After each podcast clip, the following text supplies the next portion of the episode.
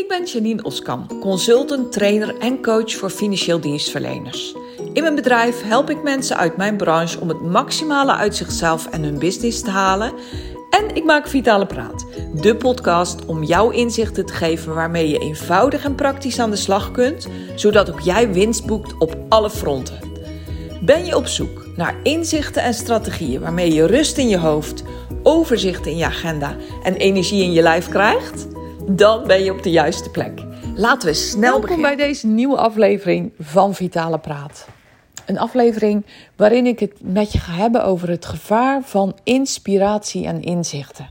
En misschien denk je nu, hè? Maar blijf er even bij, want ik ga je precies uitleggen wat ik ermee bedoel.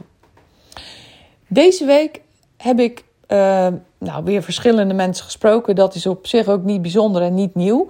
Maar er valt me iets op wat ik heel graag met je wil delen. En dat gaat dus over geïnspireerd zijn en inzichten krijgen. En vanmorgen had ik een gesprek met een hele leuke dame die mensen uit onze branche helpt met zichtbaarder worden.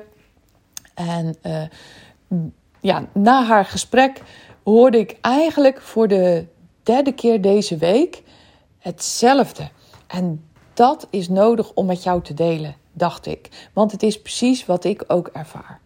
Nou, als je me al langer volgt, dan weet je dat ik uh, trainingen, cursussen en trajecten geef aan financieel dienstverleners om slimmer te gaan werken. En wat betekent dat dan?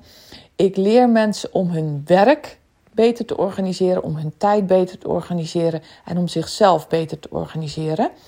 Je werk organiseren is eigenlijk niets meer of minder dan de juiste dingen doen. Uh, zorgen dat je de juiste dingen doet. Je tijd organiseren is zorgen dat je de juiste dingen op tijd doet. Hè, zodat je niet hoeft te haasten, zodat je voldoende tijd hebt om de dingen goed te kunnen doen. En jezelf organiseren is zorg ervoor dat je ook inderdaad doet en laat wat nodig is. En uh, dat is bijvoorbeeld stop eens met uitstellen. Ga nou eens eindelijk die lastige klus doen die iedereen wel heeft. Hè? Van die lastige klussen die je steeds uitstelt. En waar je nu gewoon eindelijk korte metten mee maakt en gewoon gaat doen. Dat is heel kort in een notendop. Um, waar in ieder geval een groot deel van de dingen die ik doe omdraait. Als ik dan een presentatie geef of een workshop geef, dan zie ik mensen altijd driftig meeschrijven met de tips die ik geef. En uh, ze zijn blij verrast. Ze zijn helemaal geïnspireerd. Ze hebben allemaal inzichten. Mensen komen dan achteraf naar me toe en zeggen: Wauw, Janine. Weet je, zo had ik er nooit naar gekeken, maar bedankt zeg. Het heeft me zo een inzicht gegeven. En ik zeg dan altijd, dat is ook een beetje streng, maar dan zeg ik: Weet je, het is, ik, vind, ik ben echt super blij voor je dat dit je zo'n inzicht heeft gegeven, maar dat is niet genoeg. Ik gun het je dat je het ook echt gaat doen, dat je ook echt in actie komt. Want inspiratie is prachtig, motivatie is nog beter, maar daarna komt de activatie en dat is eigenlijk de stap, maar ook de enige stap die ergens toe leidt. Mensen kijken me dan vaak een beetje bedremmeld aan. Maar ik zie wel dat ze het pakken. En uh, ik gun het ze dan ook dat ze er ook echt wat mee gaan doen. Want pas dan komt het resultaat. Nou, en dat is ook exact de reden dat ik uh, eigenlijk altijd borging aanbied. En wat bedoel ik met borging? Dat ik ook eigenlijk altijd zorg bij een presentatie of bij een workshop dat er een opvolging is wat je bij mij uh, kan gaan doen, waardoor je ook echt in actie gaat komen, waardoor je de dingen ook echt gaat implementeren. En dat is waar de magie zit. Hè? Dat is waar het resultaat zit, wat ik net al zei. Nou, van de week, begin van de week had ik een uh, gesprek met een data-analyst. Hij uh, werkt ook veel voor mensen uit onze branche. En hij, uh, hij analyseert dan de data van een CRM-systeem. Waardoor hij um, ondernemers, adviseurs, managers, etc. kan adviseren over het bewerken van een bepaalde portefeuille. Stel je voor, je hebt een grote portefeuille en je laat daar zo'n analyse op los. Nou, dan uh, kan hij laten zien waar nog potentieel zit in je portefeuille. Dus bij welke klanten uh, jij nog je, je service zou kunnen uitbreiden of je ja, de verzekeringspakket of hypotheek of wat dan ook, waar dat waarschijnlijk kan. Nou, als je natuurlijk die klanten dan gaat benaderen, dan zit daar uh, een mooi resultaat in. Oké, hij zei, maar ja, wat ik regelmatig zie, en dat vind ik ook wel jammer, is dat uh, mensen laten dan zo'n analyse maken. Daar is ook wel wat geld mee gemoeid, natuurlijk, want hij heeft daar werk aan, hij heeft daar veel werk aan. Hij zei, en vervolgens wordt er niet mee gedaan uh, wat de resultaten brengt die erin kunnen zitten. Hij zei, en dat vind ik zo jammer. Ik zeg, ja, nou, inderdaad, heel herkenbaar. Dat is eigenlijk precies hetzelfde bij mij. Nou, vervolgens had ik een gesprek uh, met um, iemand die externe werkzaamheden doet voor adviseurs. En eigenlijk, eigenlijk uh, nou, ik ga er gewoon van stotteren, sprak ik twee van dat soort mensen, realiseer ik me nu terwijl ik deze opname zit te doen. En die zeiden allebei, ja, goed, wij hebben dan gesprekken met kantoren en um, ze zien dan ook uh, de toegevoegde waarde, maar vervolgens doen ze het niet. Hè? Dus het wordt niet geïmplementeerd. Hoe zonde is dat? Nou, en vanmorgen dus het gesprek met de dame die uh, mensen uit onze branche leert om op social media beter en meer zichtbaar te zijn. Om te laten zien uh, hoe ze eigenlijk door zichtbaarder te zijn, door te laten zien wie ze zijn en wat ze doen, door daar meer klanten uh, mee aan te trekken. En zij zegt: Ja, ik zie dan dat mensen na een presentatie van mij helemaal aanstaan en denken: Oh wauw, zo had ik er nooit naar gekeken. Want zij leert jou ook hoe je uh, juist door bijvoorbeeld een niche te kiezen, hè, door een bepaalde kleinere doelgroep te kiezen, hoe je dan in je kracht kan staan. En juist door um, helemaal je bedrijf te bouwen zoals jij het wil, zoals het precies jou als een maatpak past, hoe je dan nog beter uit de verf kan komen en juist ook de, jouw ideale klant als een magneet gaat aantrekken. En ik ben daar groot voorstander van, want uh, ik ervaar dat zelf ook zo. Hè? Mijn uh, ideale klant is de financieel dienstverlener. En juist omdat ik me echt specifiek richt op die doelgroep, ik zou natuurlijk wat ik doe ook uh, heel goed kunnen toepassen bij hele andere soort bedrijven. Maar ik voel me als een vis in het water bij mijn eigen doelgroep. Hè. Wij hebben ook een assurantiekantoor, zoals je wellicht weet. daarom werkt het ook zo goed. En uh, daarom kan ik me ook echt specialiseren uh, in die richting. Nou, zo, zo geldt het ook voor jou. Jij kan je ook richten op een speciale doelgroep. Dat hoeft dus helemaal niet, maar uh, is vaak wel krachtig. In ieder geval is het heel erg krachtig om vooral jezelf te zijn.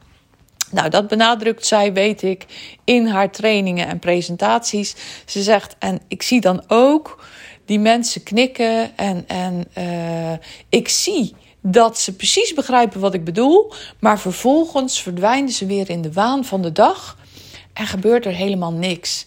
Um, ik, ik zeg het altijd als volgt: van ja, je zit bij mijn presentatie, je bent helemaal geïnspireerd, je hebt inzichten opgeschreven en je stapt in je auto en, en mee dat je de deur dichtslaat van je auto, valt er al 25% van hetgeen je hebt geleerd uh, van je af.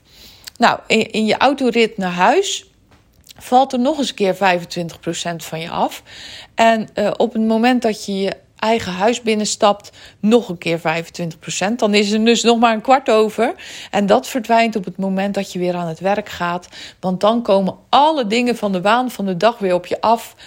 Uh, en ja, heb je gewoonweg niet de tijd, denk je, om de dingen te gaan doen. En na een paar dagen ben je het helemaal kwijt. Verdwijnt dat schriftje waar je alles in had opgeschreven onder in je bureau la. En ga je weer verder waar je gebleven was. Waardoor er dus niets verandert.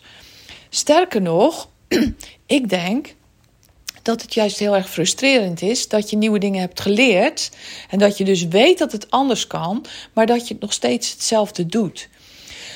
Dus ik wil je hierbij eigenlijk oproepen om, uh, om eens bij jezelf na te gaan. hey, wat heb ik allemaal nog liggen? Wat zou ik allemaal nog kunnen veranderen? Waarvan ik weet dat het gaat werken, maar wat ik nog steeds niet heb gedaan.